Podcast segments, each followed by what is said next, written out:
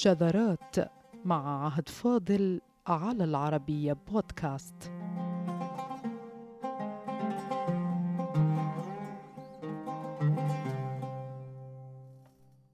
مهدنا لكم أيها السادة في الحلقة التي سبقت هذه الحلقة عن أهم القضايا التي طرحها مستشرقون وعرب شككت بحقيقة الشعر الجاهلي واعتبرته منحولا إليهم. وأن من قام بذلك رواة أو ناحلون. شعراء على خلفيات مختلفة ذكرنا أشهرها وأهمها وسنستعرض معكم خلو هذه الفرضيات المشككة بحقيقة الشعر الجاهلي من المستند الفعلي الذي يطعن بحقيقتها وأن هذا الشعر طلب منه ما ليس فيه فأخرجوه من ملة ديوان العرب مع أن مفكرا لغويا كبيرا كانيلينو الإيطالي طلب أن يكون الحكم في الموجود المعروف ولكن للأسف لم يستمع تلميذه العربي الشهير طه حسين لكلامه مع أنه كتب مقدمة كتابه الذي طالب فيه بالحكم الشعري على الموجود منه في الواقع من الشعر الجاهلي لا المتوقع. أيها السادة.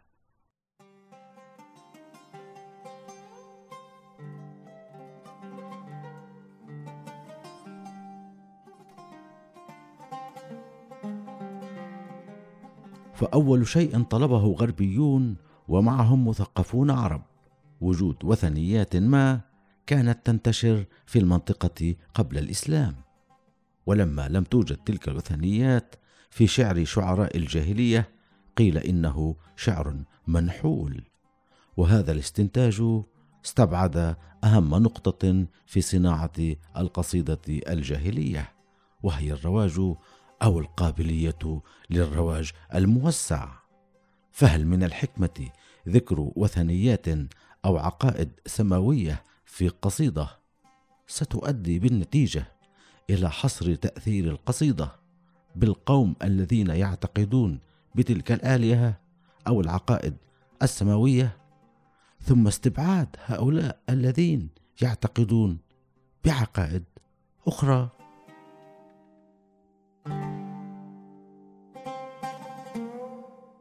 إن أهم جانب في القصيدة الجاهلية هو قدرتها على الرواج بين العرب كافة وكذلك تخلصها من عوائق محلية كي تكون معبرة عن شريحة أكبر من المتعاملين بهذا اللسان الشعري.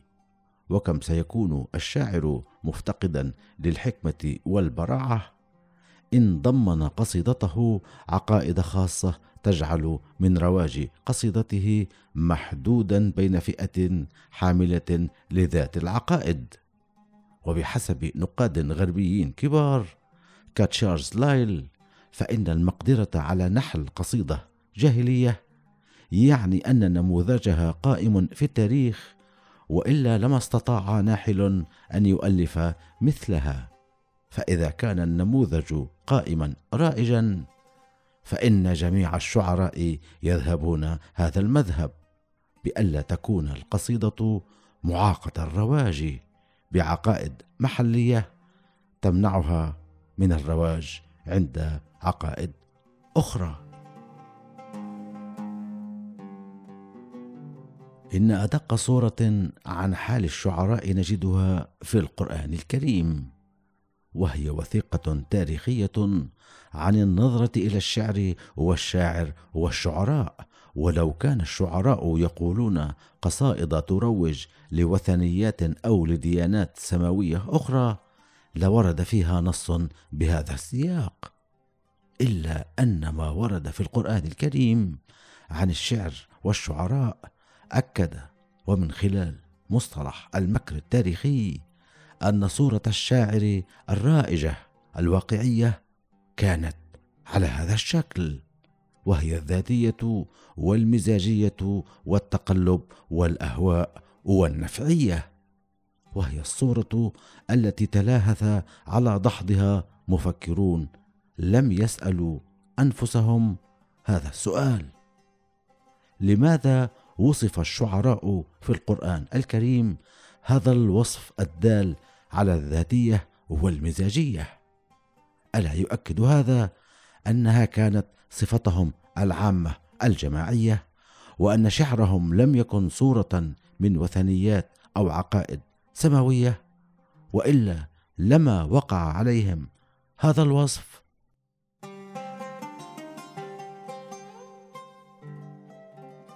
إن سورة الشعراء دليل دامغ على المستوى التاريخي على صورة الشعراء في زمان النبي الكريم عليه الصلاة والسلام.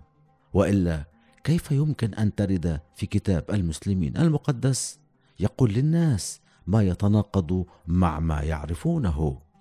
فجاء في السورة الشعراء يتبعهم الغاوون. حتى إن بعض التفاسير تقول إن الغاوين هنا هم رواه الشعر. تخيلوا أيها السادة لكننا لن نقف هنا كثيرا بل سنقف عندما تلاها تاكيدا لما ورد في الأولى. ألم تر أنهم في كل واد يهيمون وأنهم يقولون ما لا يفعلون؟ ألم ترى فجاءت للتأكيد القاطع بصيغة استفهام وبأمر معروف ورائج حينها ومتفق عليه. بأنهم يهيمون في كل واد والأهم يقولون ما لا يفعلون أي ينسبون لأنفسهم من أفعال كادعاء البطولة أو الكرم. قولا إنما لا يقومون بذلك في الواقع. هذا دليل قاطع على أن تلك هي الصفة الرائجة للشاعر التي أقحم عليها بعض المستشرقين ومعهم طه حسين صفات لم تكن فيها. فطعنوا بالشعر المنسوب إلى طائفة كاملة هم رؤوس شعراء الجاهلية.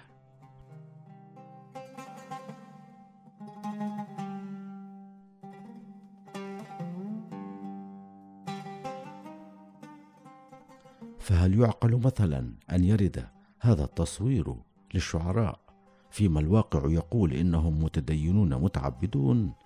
بالقطع كلا. فهي صورة الشاعر المعروفة وكل المبالغات التي ترد في القصيدة مدحا أو ذما أو ادعاء مواصفات تفوق الناس اختصرها القرآن الكريم بقوله يقولون ما لا يفعلون. وهي صورة الشاعر المستمدة من الواقع. فكيف بمعايير من خارج هذا الواقع تطلب واقعا آخر في الشعر الجاهلي؟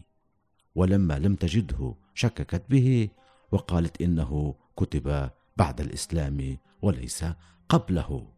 إن سورة الشعراء وفهم جزء منها بمفتاح المكر التاريخي يطيح بأشهر مقدمة استعملها مستشرقون ثم تبناها مفكرون عرب.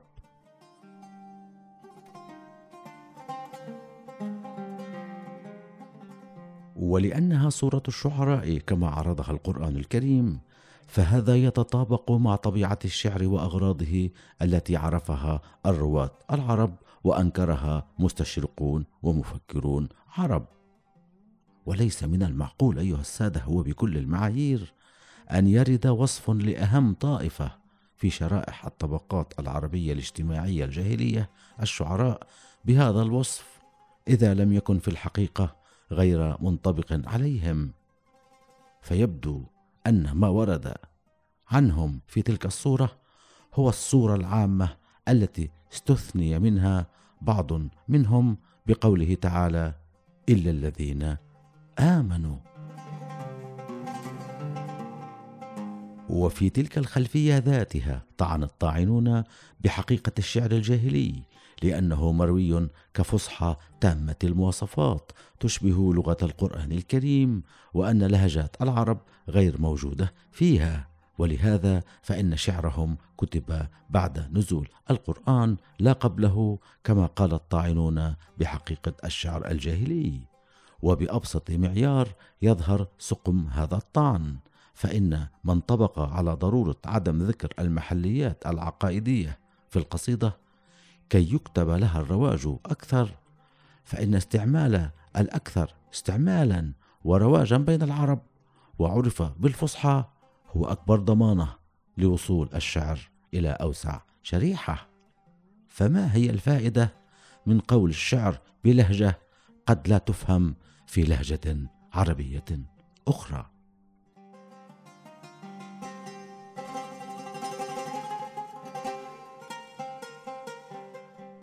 وبحسب عدد كبير ممن عمل في تاريخ الفصحى منهم العربي جواد علي في كتابه العظيم المفصل في تاريخ العرب قبل الإسلام والمستشرق الألماني نولتكه في كتابه تأريخ القرآن فإن الفروق في لهجات نجد والحجاز ومناطق الفرات لم تكن كبيرة أيها السادة وأن ما يعرف باللهجة الفصيحة شمل كل اللهجات الأخرى. فيما قال المستشرق غويدي إن الفصحى هي مزيج لهجات تكلم بها أهل نجد والمناطق المجاورة له وأن الفصحى لم تكن لهجة قبيلة محددة. فيما قال الإيطالي نالينو إن الفصحى واحدة من لهجات أهل نجد. تطورت وتهذبت أيام مملكة كنده وصارت لغة أدبية سائدة.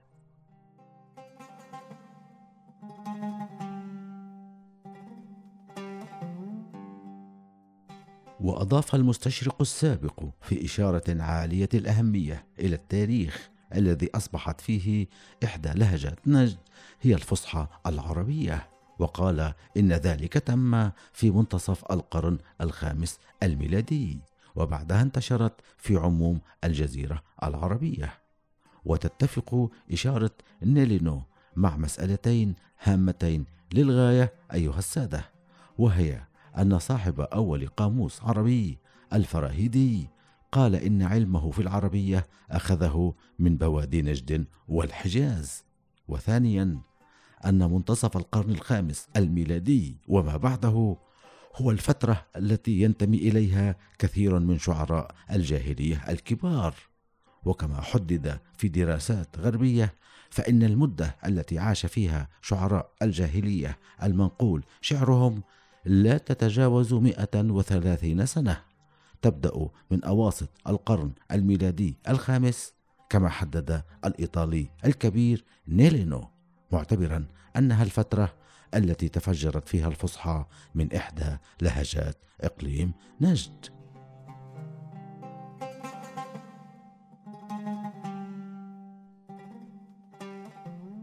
إذا نحن أمام فصحى عامة عرفها العرب ورافقت رواج أشهر شعراء الجاهلية فالتشكيك بشعر الجاهليين لهذا السبب انقلب على أصحابه. إذ بلى هناك فصحى عامة نقلت شعر الشعراء وصارت لغة الأدب منذ ذلك الوقت. ولهذا ليس غريبا أن تكون قصائد الجاهليين على مثال الفصحى الموحدة التي جاء بها القرآن الكريم. وذلك أن تلك الفصحى تكونت وانتشرت قبل نزوله. ولهذا فهمت العرب كافة القرآن ولنفس السبب فهمت شعر شعرائها. حتى إن بعض أكبر المفسرين كابن عباس كان يقول إنه لم يفهم ما تعني جملة فاطر السماوات والأرض إلا عندما سمع أعرابيين يختصمان في بئر فقال أحدهما أنا فطرتها أي أنا الذي بدأت حفرها.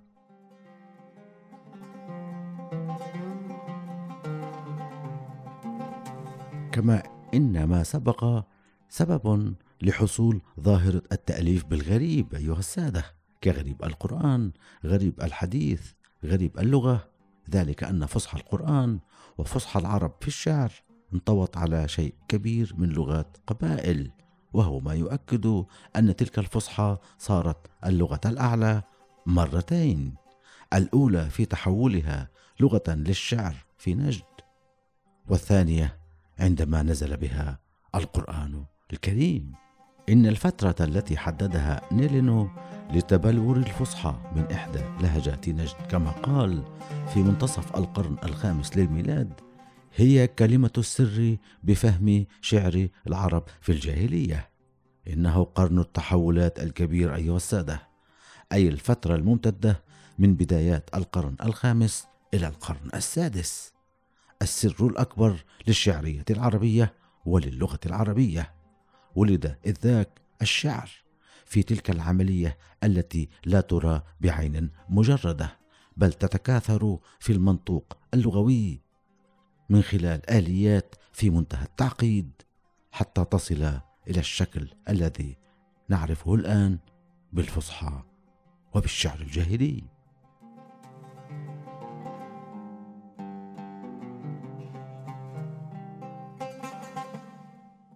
إنما تجدر الإشارة أعزائنا. عطفا على ما قاله المستشرق نيلينو من تطور الفصحى من إحدى لهجات نجد ثم انتشارها في الجزيرة ومكة ويثرب والطائف. فإن مستشرقين آخرين تحدثوا عن حصول ظاهرة الفصحى من طريق لسان أعراب نجد واليمامة.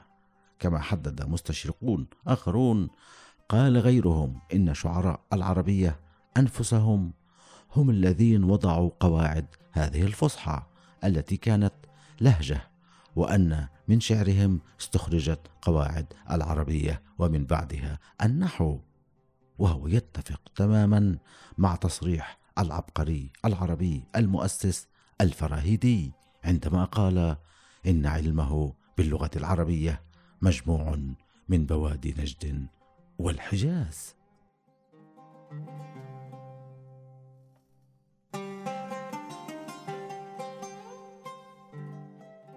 وأكد ريجيس بلاشير ما يحطم كل أسس التشكيك بحقيقة الشعر الجاهلي بسبب فصحاه المتشابهة وفصحى القرآن كما زعموا عندما قال إن الشاعر العربي الجاهلي كان يتعمد الابتعاد عن خصوصية لهجته القبلية ويقول شعره متاثرا بفصحى تعارف عليها الجاهليون.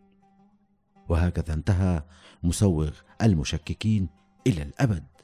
لقد قال بلاشير بالحرف الشاعر يتعمد الابتعاد عن مؤثرات لهجته القبلية.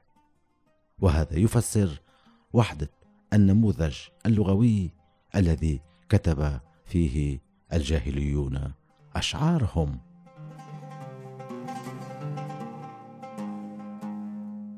في النهاية هذه حقيقة شعر الجاهليين فهو ظاهرة تاريخية بكل معنى الكلمة.